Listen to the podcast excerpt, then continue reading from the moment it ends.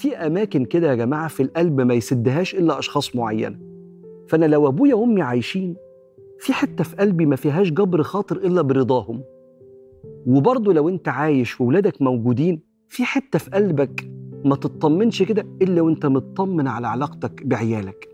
لو الناس موجودة ومش بتسد الفراغ بتاعها لو الأب والأم والعيال مش كل واحد بيسد فراغه في قلب التاني لا في حاجة ناقصة كبيرة في نفسيتي.